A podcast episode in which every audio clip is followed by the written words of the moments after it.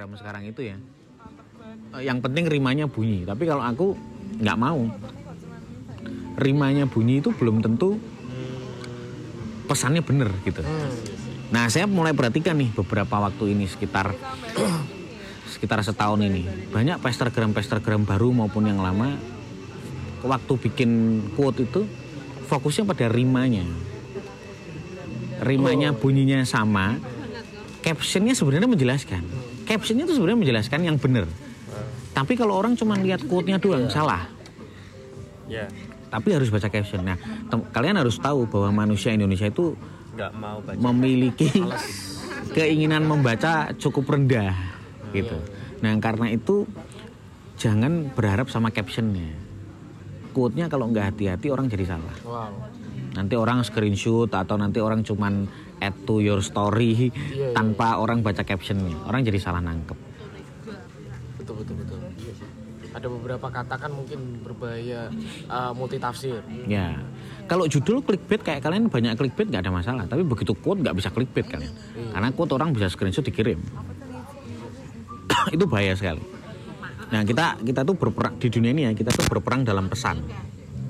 Hmm. Pesan yang salah menghasilkan pola pikir yang salah. Iya. Pola pikir yang salah menghasilkan karakter yang salah. Karakter yang salah menghasilkan hidup yang salah. Nah jadi kita berperang dalam pesan. Kalau pesannya sampai salah, ujungnya salah. Nah pesannya harus benar supaya pesannya benar aja belum tentu ujungnya benar. Ada proses berikutnya. Tapi minimal ujungnya udah benar duluan. Sampai batuk pak. Bagaimana pesan obat kuat? Nah, tulis sendiri. ini di buku nganotologi itu kan kebanyakan eh, perspektifnya tuh berbeda dari eh, apa general dari umum ya. ya.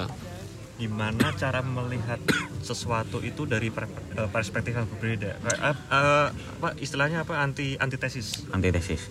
Jadi gini, kalau di buku nganotologi itu eh, ini kan subtemanya adalah catatan si tukang kritik. Hmm. Jadi memang balutannya adalah kritik terhadap gereja, kritik terhadap orang Kristen pada umumnya, atau kritik pada praktek kekristenan pada umumnya. nah, eh, dari sudut pandang ini sebenarnya udah kelihatan bahwa saya menemukan beberapa hal yang menurut saya itu eh, tidak sejalan dengan apa yang diajarkan. Nah, lalu kemudian aku mulai mengeksplorasi juga beberapa orang yang memiliki pemikiran yang sama atau orang-orang awam hanya sekedar just sharing dan aku pengen ngerti bagaimana pendapat mereka. Dan ternyata benar gitu maksudnya hal-hal itu benar terjadi di di lapangan gitu sehingga hal itu yang aku eksplorasi lebih dalam. Contoh misalnya kalau kalian perhatikan ya dua tahun sekitar dua tahun ini banyak pestergram pestergram bahkan bu- bukan pestergram ngaku pestergram ya kan? Masih mau jadi pesta. yang followernya baru 200 300 seolah-olah kayak followernya 2000 3000 kayak 20.000 kayak 200.000 ya kan? Gayanya selangit gitu ya nggak masalah sih. Itu kan orang boleh berekspresi. Cuman kalau kalian perhatikan dua sekitar dua tahun ini pembahasannya tuh selalu tentang kasih dan penerimaan. Sudah. Ya iya iya iya. bener nggak Iya betul Ya. betul betul betul. Tapi sebenarnya kalau kita baca Alkitab dari ujung ke ujung, kasih itu selalu bercium-ciuman dengan kekudusan. Betul. Ya, grace always kiss with the truth. Anugerah itu selalu bercium-ciuman dengan kebenaran. Jadi ketika ngomong kasih, nggak bisa dipisahkan dengan kekudusan. Yang terjadi hari ini adalah orang membahas kasih seolah-olah menyingkirkan kekudusannya. Nah, ketika saya konfirmasi ke beberapa orang, sebenarnya enggak. Pemahaman mereka benar, value mereka benar, tapi masalah mereka satu, mereka dikejar buat konten. Oh, di deadline. Seolah-olah mereka dikejar konten, padahal nggak ada yang deadline juga. Ya mungkin motivasinya berbeda-beda ya. Nah, ketika mereka dikejar konten itulah mereka tidak menyadari efek dari penggalan konten tadi. Itu seolah-olah membuat pesannya adalah kasih itu lebih dari segalanya. Dan kekudusan ti- seperti seolah tidak ada. Padahal kasih dan kekudusan itu berjalan bersamaan. meskipun beberapa teolog ngomong level tertinggi itu kekudusan nomor dua kasih tapi bagi saya kasih dan kekudusan itu berjalan bersamaan satu paket satu paket berjalan bersamaan jadi ketika kita ngomong kasih harus ada kekudusannya pesannya salah justru betul selanjutnya itu yang lebih parah kan Betul. Nah, balik lagi ya, bagaimana bisa melihat kritik tadi menjadi lebih dalam. Nah, aku berusaha menggunakan kaos kaki dan sepatu plus kacamata dari sudut pandang yang sebelahnya. Nah, saya berusaha pakai orang-orang yang begini. Contoh misalnya, saya temui orang-orang yang udah lama nggak ke gereja, atau dulu ke gereja sekarang nggak ke gereja, atau orang-orang yang barusan nggak mau ke gereja. Gitu. Nah, dari sana akan ketahuan masalah yang mereka hadapi itu mirip-mirip. Nah sebagian besar di 13 bab yang aku tulis itu Sebagian besar Nah salah satunya yang paling menurutku paling paling betul-betul eh, menampar Dan setelah aku baca bukunya Kyle Idleman Yang Not Offense sama The End of Me itu menambah lagi wawasan itu Bahwa sering kali gereja ngomongin kasih, ngomongin kasih, ngomongin kasih Tapi faktanya orang di gereja tidak mempraktekkan kasih dengan benar. Contoh lah paling gampang. Kita dengar ada satu temen yang cerai. Nggak ada orang hari ini yang tiba-tiba telepon ngajakin ketemu doain kok apa sekedar menemani. Enggak refleksnya nomor satu. Kalau toh ada refleksnya nomor satu gosipin dulu. Gospel.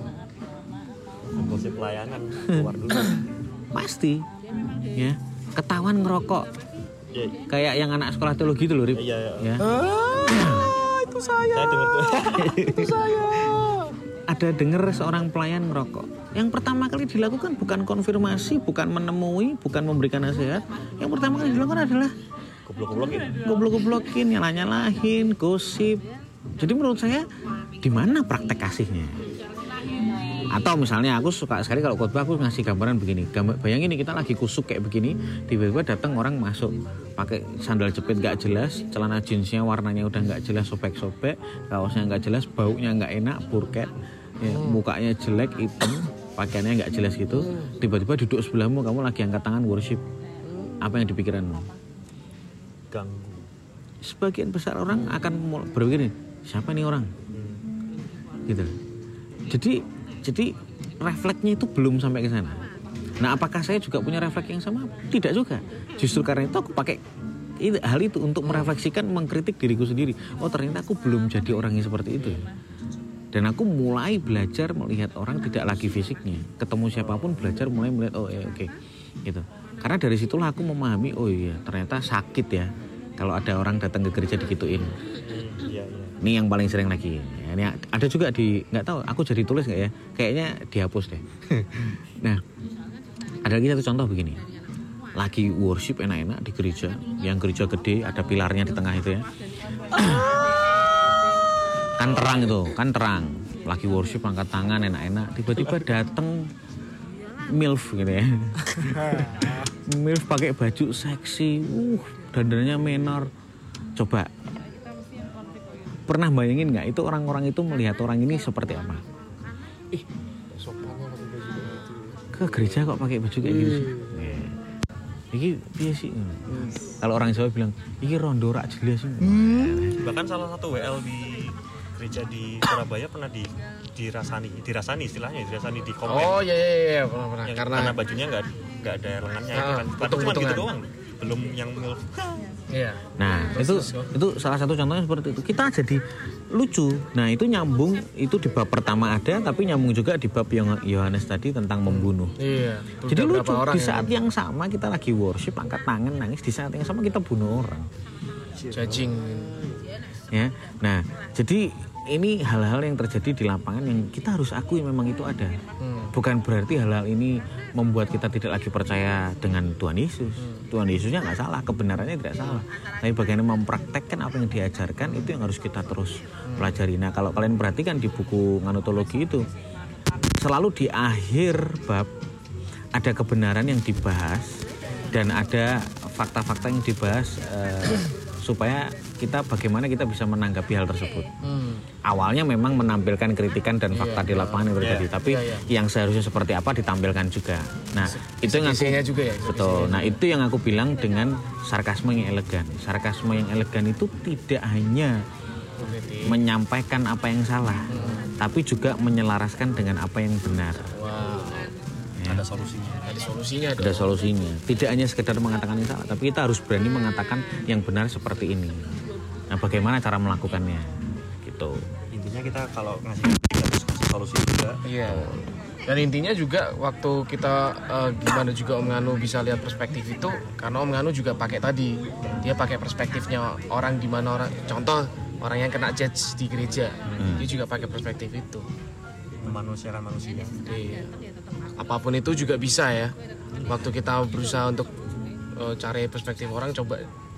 Nah meskipun balik ya kalau ngomongin soal konten ya dan ciri khas. Hmm. kalau aku konsisten terhadap eh, ciri khasku sarkasme dan tukang kritik eh, tentu ada konsekuensi konsekuensi. Eh, ke, ke contoh ya kamu kamu bikin obat kuat. Bahasanya bahasanya kan banyak yang mesum-mesum deh ada konsekuensi nah, ada konsekuensi ada konsekuensi jadi orang yang orang lihat jadi seperti itu itu konsekuensi yang tidak bisa dihindari.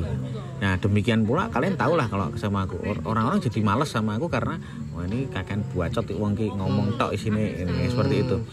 Ya nggak apa-apa.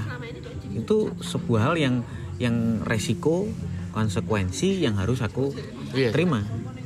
Nggak bisa ditolak. Kalau aku suka kritik, aku harus mau dikritik. Autokritik lah istilahnya. Jadi kalau aku melakukan sesuatu ya harus mau diperlakukan hal yang sama. Ya ya udah mau mau gimana gitu. Nah, tapi yang penting kita bisa mempertahankan kebenarannya bahwa aku melakukan yang benar kok gitu. harus tahu kalau Betul. dia melakukan yang benar kan. Nah, one day waktu akan membuktikan apakah yang aku katakan dan apa yang aku lakukan itu ternyata benar apa enggak gitu. Ternyata terbukti atau tidak. Nah, kalau tidak terbukti berarti aku salah ya udah gitu. Dan evaluasi. Tapi kalau aku terbukti pun aku tidak akan datang langsung, wah bener kan, bener kan, enggak. Ya sudah, biarkan saja itu bekerja sebagaimana mestinya. Wow. Obat kuat sepertinya babak belur. sepertinya kita harus bikin episode baru Season 3 ganti logo lagi. Ganti logo lagi. Oke oke keren tapi kalau kalau kayak gitu sempat khawatir nggak kalau orang tuh bakal nangkap value yang berbeda? Maksudnya ketika orang ini udah udah punya image gambaran nganu tuh bikin bikin sakit hati terus kita pengen nyamain sesuatu tapi mereka nggak mau terima karena udah sakit hati duluan sama sama image image yang mereka bangun. Sebenarnya gini, bisa mau ciri khas apa pun tuh orang bisa saja tidak menerima. Hmm, terlanjur basah ya. Kalau mau sekalian basah ya basah kuyup sekalian tuh di episode selanjutnya tuh.